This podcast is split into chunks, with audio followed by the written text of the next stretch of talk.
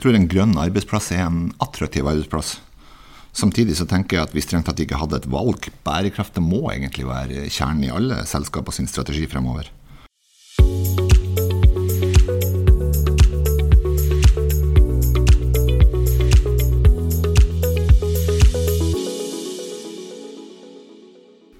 I denne første episoden av podkasten Strategiprat med Agera er vi på besøk hos Kim Robert Lysø, konsernsjef i selskapet Gunnar Karlsen, også kjent som GK, som leverer og drifter tekniske løsninger til byggsektoren, den såkalte 40 %-bransjen, som står for 40% av energiforbruket og 40% av CO2-utslippet på verdensbasis.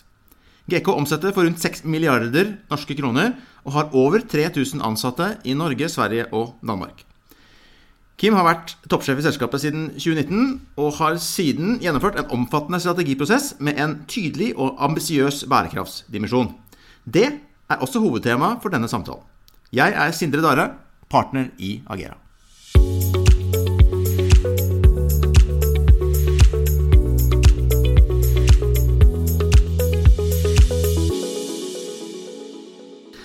Kort om deg og din bakgrunn eh, først, Kim. Vi skal jo snakke om det strategiske mulighetsrommet i det grønne skiftet.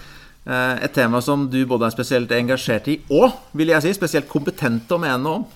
Hva tenker du på? Jeg tenker på bakgrunnen din. Ja, Nå kjenner jo jeg litt til bransjen etter 30 år på mange sider av bordet og i mange ulike roller. Du tenker kanskje først og fremst på min akademiske bakgrunn, men før du begynner med det, så da vil jeg jo si at jeg har jo vært faktisk reklametegner, jeg har vært teknisk tegner, jeg har vært fortifikatør, prosjektleder, prosjekteringsleder, rådgiver, forsker, leder. Jeg tenkte først og fremst på din akademiske bakgrunn og på en måte eh, livet ditt før toppleder i, i byggebransjen. Ja, jeg har vel, ja, karrieren min er vel todelt. Den første halvparten som forsker, hvor jeg har vært så heldig å få mange muligheter, hvor jeg stort sett har holdt på med klima og klimatilpasning. Og den andre halvparten som leder, hvor jeg nå får lov å holde på med den andre sida av den samme mynten, nemlig energieffektivisering. Mm. Men Hva er forskjellen på å være professor 2 på NTNU eh, og være konsernsjef i GK? Nei, Det er nesten akkurat likt. Ja.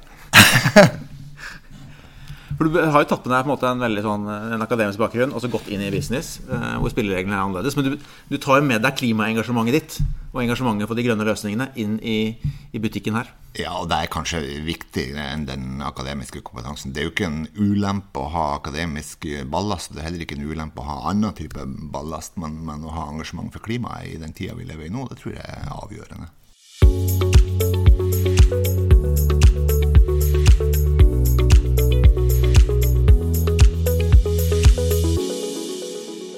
Vi går rett på sak. Um, vi står midt i et grønt skifte som alle bedrifter må forholde seg til på et eller annet nivå. Uh, og GK har valgt en svært offensiv vinkling vil jeg si, og gjort bærekraft til, uh, til selve hjertet i den nye konsernstrategien som, som dere har utviklet.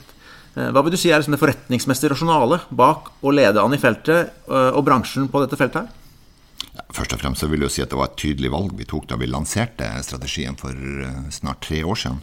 Lønnsomhet, digitalisering, bærekraft det er jo fokusområder for konsernet både nå og i framtida. Og det forventes òg av våre medarbeidere. Jeg tror en grønn arbeidsplass er en attraktiv arbeidsplass. Samtidig så tenker jeg at vi strengt tatt ikke hadde et valg. Bærekraft må egentlig være kjernen i alle selskaper sin strategi fremover. Og så er jeg jo helt sikker på at bærekraft er lønnsomt. Energikrisen som vi nå ser, skaper jo alene et, et marked for grønn vekst. Og så skal jo denne strategien òg sikre at vi har kraft og retning innenfor um, andre utviklingsområder i konsernet.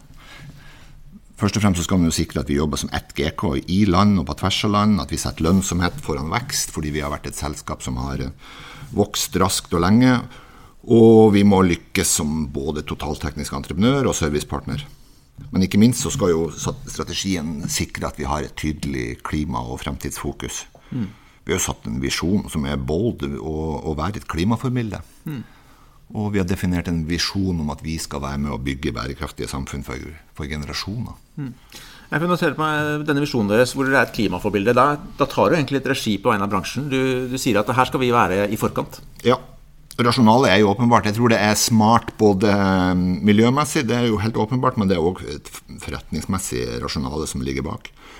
Og så tenker jeg at uh, igjen da, at det, det, finnes ikke noe alternativ. Klimaet er, er, i endring, og det skaper, skaper, enorme utfordringer for verden. Det gjør det jo òg i lille Skandinavia. Mm. Vi må tilpasse oss et klima i endring. Vi må få ned utslippene. Vi står overfor en gedigen energitransformasjon. Om vi skal klare å bremse global oppvarming, så må det skje et fundamentalt skifte fra fossil til fornybar energiproduksjon og energibruk. Og vi må slutte å sløse med energi, sånn som vi f.eks. gjør i Norge. Mm. Og her har jo vi som selskap eh, både et ansvar og en rolle og en mulighet til å bidra. Mm. Men det, er jo, eh, det har vært snakk om 40 %-bransjen i veldig veldig mange år. Eh, så lenge jeg kan huske, egentlig. Ja. Merker vi et taktskifte nå? Ja, det gjør vi. Og det taktskiftet, det er jo går jo først og fremst på at det har jo vært, altså Vi blir ofte beskyldt for å være en, en konservativ bransje, hvor det er myndighetene som har gått foran og stilt krav og skapt innovasjon i næringa. Og, og, nå ser vi jo bare de siste årene, fordi vi er i den situasjonen vi er i nå, at nå klarer jo ikke myndighetene henge med lenger. Nå er det jo faktisk bransjen sjøl som går foran og ber om, om krav til, til uh, å sette pris på, på klimagassutslipp. Mm. Og så tror jeg òg at det grønne skiftet innebærer store systemendringer i både forbruksmønster og teknologi og lovverk og reguleringer. Og myndighetene vil nok våkne òg og stille strengere klimakrav til denne næringa her. Det vil ta tid, men, men, jeg tror ikke vi kan vente. Det er det jo heller ingen grunn til. Vi er jo allerede sent ute. De siste rapportene fra FNs klimapanel viser jo for alt alvor at vi må ta grep nå. Hva var det Antonio Guterres sa når han la frem eh, den siste hovedrapporten til FNs klimapanel? Dette er kode rød for menneskeheten. Mm, mm. Og hvordan virker sånn kommunikasjon? ikke sant? Sannsynligvis bare litt bedøvende. Men nå tror jeg vi har liksom innsett alvoret, tenker jeg. Hvis du kunne sendt et valgfritt ønske til Stortinget, hva hadde du jeg tar grep nå, ja, det er valgfrie ønske. Det, det, det, det, sendte man jo òg inn til COP27 og, og klimatoppmøtet i i Sharm el Sheikh, og selv om man kanskje ikke ble enige om så innmari mye der, så ble man i hvert fall enige om å opprettholde 1,5-gradersmålet. Og skal vi gjøre noe med det, så må det jo skje noe raskt og dramatisk, tenker jeg. Det er jo litt sånn rart akkurat nå. Forskerne har jo nesten mista trua på at det er mulig. ikke sant? Mm. Mens nå er det jo næringsaktører som går foran og fortsatt sier at det er mulig. Mm. Det er jo litt interessant å se. Det er jo fullt mulig. Kanskje ikke til og med så vanskelig heller. Hvis du skal få ned klimagassutslippene drastisk og raskt, så må det bli lønnsomt å velge bærekraftige løsninger. Mm. Og Det kan man gjøre gjennom å gjøre det dyrere å forurense. Altså sette en prislapp på utslipp. Og så må vi intensivere satsinga på fornybar energi. Ja, ja. Og apropos det, jeg tenkte på det. Dere tar jo grep og er veldig foran i bølgen når det kommer til klimatilpasning, men henger kundene med? Ja, det gjør det. Um, vi ser jo at det er stadig større og, sterkere etterspørsel etter eh, grønne løsninger. Mm. Og jeg tror det som er avgjørende for, for, strategien vår, for det er jo bare til det første spørsmålet ditt sikker på at vi har en riktig strategi for fremtida, så er vi jo òg selvfølgelig heldige som har en langsiktig eier som har et tydelig generasjonsperspektiv. Um, når vi starta strategiarbeidet i 2019, så hadde vi jo ikke all verden med selvtillit som selskap. Vi hadde krevende år bak oss sånn rent lønnsomhetsmessig etter en periode med sterk vekst. Eh, som skaffa oss en solid posisjon i Skandinavia, som vi er veldig stolte av, men som ikke skaffa den lønnsomheten vi ønska oss. Og så har vi hatt noen tøffe år etter lansering av ny strategi, ikke minst pga. pandemien. Men, men, i dag er vi jo en stolt leverandør til kunder som har like høye bærekraftsambisjoner som oss. Mm. Ja, det, er, det er med å drive utviklinga i riktig retning. Ikke sant? Men det er bedt også å være så offensiv som dere var i den klimavinkla strategien. Eh, og tenke at, at, kundene kommer raskt nok etter til at man kan kapitalisere på en sånn posisjon. Ja, og så tenker jeg at vi Det kanskje gått fortere enn jeg hadde tenkt. Men det er jo gitt den situasjonen vi har vært igjennom nå de siste halvannet året. Mm. Det er jo litt sånn når vi gikk inn i pandemien sant, og skulle lansere strategi, så, så tenkte jo vi sikkert som, som mange andre selskaper tenkte at dette må vi vente med til pandemien går over. Da var jo tanken. Vi lanserte jo strategien på ledersamling 11. og 12. mars 2020. Tanken var jo da at Og vi tok opp alt. Og skulle gå ut med strategien, men vi skal vente til vi kan treffes rundt bordet. Mm. Og Det tenkte vi jo kanskje vi kunne gjøre i mai, juni, august. Og så ble vi digitale på et blunk Og litt av det samme kommer til å skje nå. Energikrisen kommer til å skape endring. Aldri la en god krise gå fra det, var det vel Winston Churchill som sa. Det er et godt ordtak.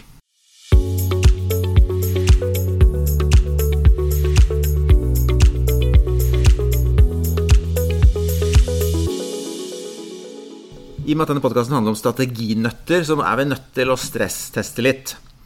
Eh, for mye av lønnsomheten i, den bransjen som du representerer, kommer fra servicevirksomhet. Og her er vi jo midt oppe i en digital transformasjon hvor um, bygg i større grad tenker og styrer seg selv ved hjelp av smart teknologi og sensorikk. Og Det er jo bra for levetid og energibruk og egentlig også det grønne skiftet. Men det er også en endring som både truer dagens etablerte inntektsstrømmer, og samtidig gir rom for en hel skokk med nye forretningsmodeller og nye penger inn. Det er jo nødt for deg som konsernsjef. Hva, hva tenker du om en, om en sånn utfordring? Ja, først og fremst så må jeg si det jeg bruker å si i festtaler. Vi jobber i en næring som er avgjørende for verdiskapinga i samfunnet. Og så fortsetter vi å si at vi oppholder oss inne mesteparten av livet, og uansett hvor vi er, om vi er hjemme, på jobb, på skolen, på museum, på kino, på restaurant eller sykehus, så er vi jo omgitt av tekniske leveranser. Men det er jo ikke teknikk for teknikkens skyld. Det er jo sånne aktører som oss som skaper liv i bygg, og som får dem til å fungere. Og det er vi som er nervesystemet, blodsirkulasjon, fordøyelsessystemet og intelligensen i et bygg. Og vi er motoren i et velfungerende samfunn. Uten oss så stopper Norge. Men når det er sagt, så er vi vil jo òg i fremtida være en bransje som trenger både hoder og hender. Og i tillegg til at vi må, eller i tillegg til at vi må evne å ta i bruk uh, ny teknologi. De som knekker den strateginøtta, de vinner uh, framtidas bunnlinje, tenker jeg. Mm, mm, mm. Vi har jo brukt mye tid og ressurser sammen med, med gode partnere i f.eks. Piscada på å utvikle GK Cloud, mm. som du kjenner i hvert fall. En skybasert plattform for drift og vedlikehold av bygg. Som gjør det enkelt å ta smarte beslutninger knytta til tekniske installasjoner, som vi vet gir store energi- og klimagevinster i hele byggets levetid, og et godt inneklima for de som bruker bygget.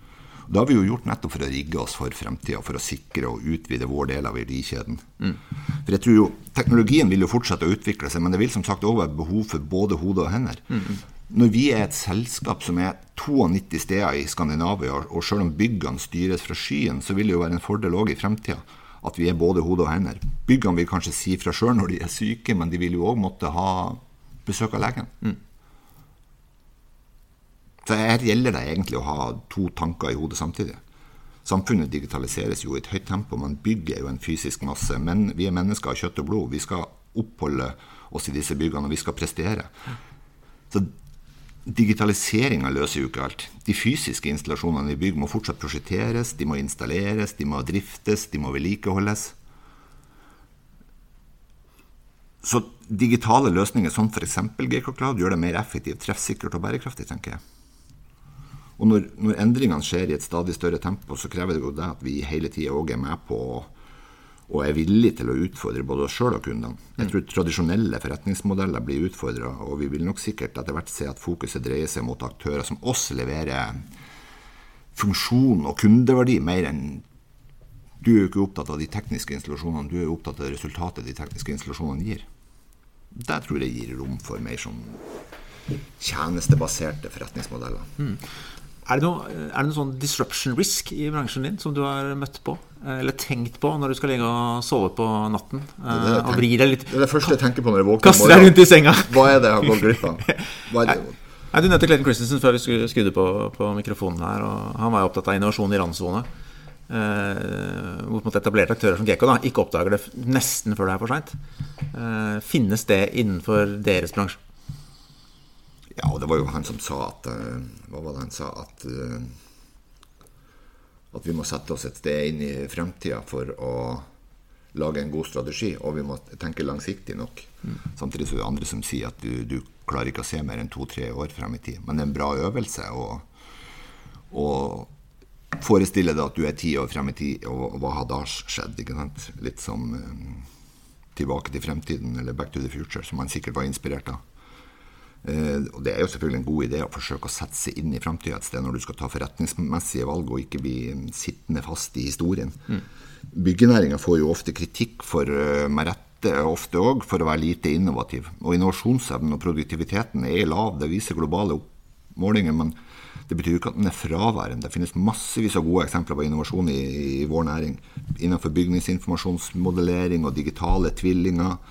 Kunstig intelligens, f.eks., som jeg var inne på, at byggene vil si fra når de er syke, og lærer vi dem å si fra hva som feiler dem. Gjennom å skape smarte algoritmer så er vi et langt skritt videre. Roboter kommer i byggenæringa. Vi dimensjonerer jo nå bygg for å tåle framtidas klima, og ikke historiske klimadata som vi har um, gjort frem til nå. Vi lager nullutslippsløsninger. Vi går fra å lage smarte bygg til smarte områder til smarte byer. Vi blir stadig mer forbundet. Så det er kanskje ikke lenge til hun Gro Harlem Brundtland får helt rett. I Alt henger sammen med alt. Alt henger sammen med alt. Kommer vi i en situasjon, tror du, hvor bygg blir 100 autonome? Nei. Det tror jeg ikke. Nei. Selv ikke litt sånn lengre Famous last words. Ja, famous last words. Selv ikke på litt sånn lengre tidsperspektiv? Nei, jeg tror ikke. Jeg, som sagt, jeg tror alltid det vil være behov for hender i denne næringa. Men at de er på grensen til autonome, det kan hende.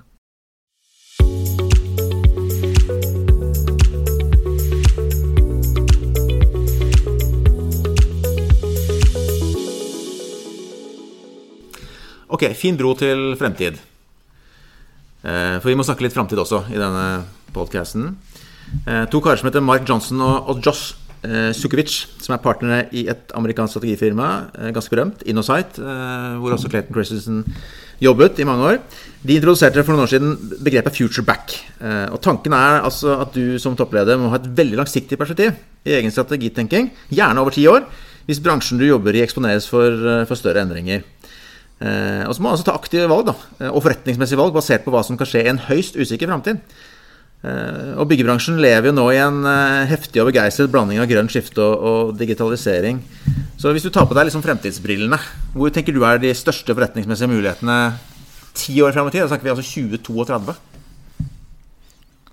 Ja, det kan jo fort bli en eh, kombinasjon av potensiell ønsketenkning og, og famous last words. En av de to.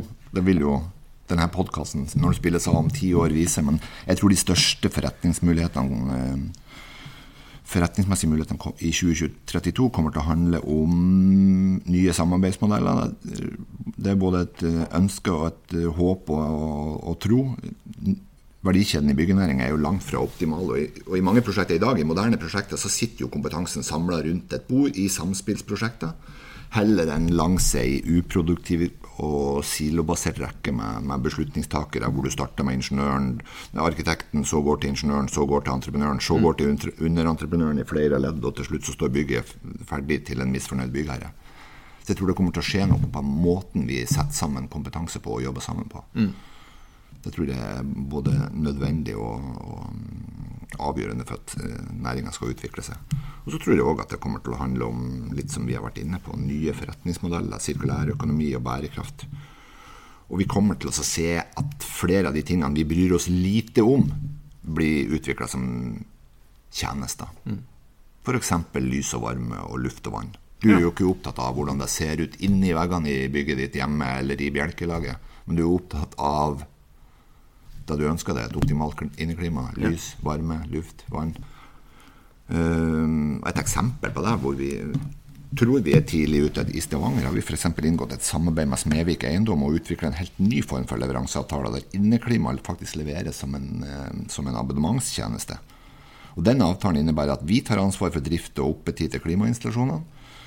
Og så garanterer vi et inneklima etter avtalte målsetninger med Smevik, og samtidig sikrer vi et mest mulig effektiv energibruk. Og så Et annet hovedpoeng som jeg har, at det er de byggene som vi skal bruke i 2032, hvor våre barn og barnebarn skal gå på skole, sykehusene vi blir behandla på, fabrikkene som produserer varene vi trenger Størsteparten av framtidas bygningsmasse den står her allerede i dag. Den.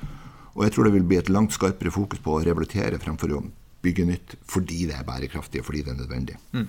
Det er jo òg en fordel for, for klimaet, og selvfølgelig en forretningsmessig fordel for aktører som oss. Vi har jo mer enn 60 års erfaring fra installasjon og drift av teknikk i bygg, og vi kombinerer jo nå vår kompetanse med smarte digitale løsninger som gjør at vi kan ta totalansvar for optimalt inneklima og energieffektiv drift gjennom levetida til et bygg. Og jeg tror jo at med, med større fokus på verdien av inneklima Vi er inne mesteparten av livet. Og ikke minst hvilken rolle energieffektivisering og bærekraftig materialbruk spiller for å kunne redusere klimagassutslipp, så ligger det store forretningsmuligheter for, for byggenæringa mm. i, i, de utfordringene vi står overfor nå. Jeg ble litt nysgjerrig på det abonnementet jeg kunne, kunne tegne på inneklima. Mm.